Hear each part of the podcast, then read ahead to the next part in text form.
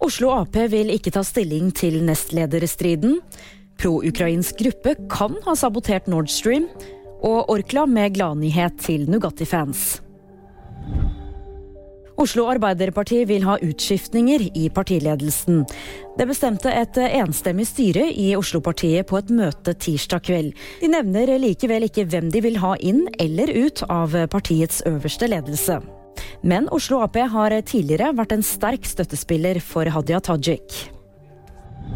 En pro-ukrainsk gruppe sto bak sabotasjen mot gassrørledningen Nord Stream. Det skriver avisen New York Times, som viser til amerikanske tjenestemenn.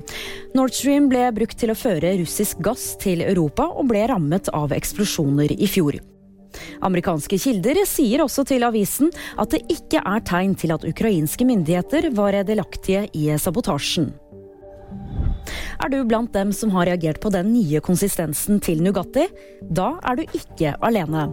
Krigen i Ukraina har ført til global mangel på solsikkeolje, og dermed så er solsikkeoljen i Nugatti byttet ut med skjeolje. Men ifølge Orkla så vil pålegget slik vi kjenner den, være tilbake i butikkhyllene om noen uker. Det var VG nyheter, og de fikk du av meg, Julie Tran.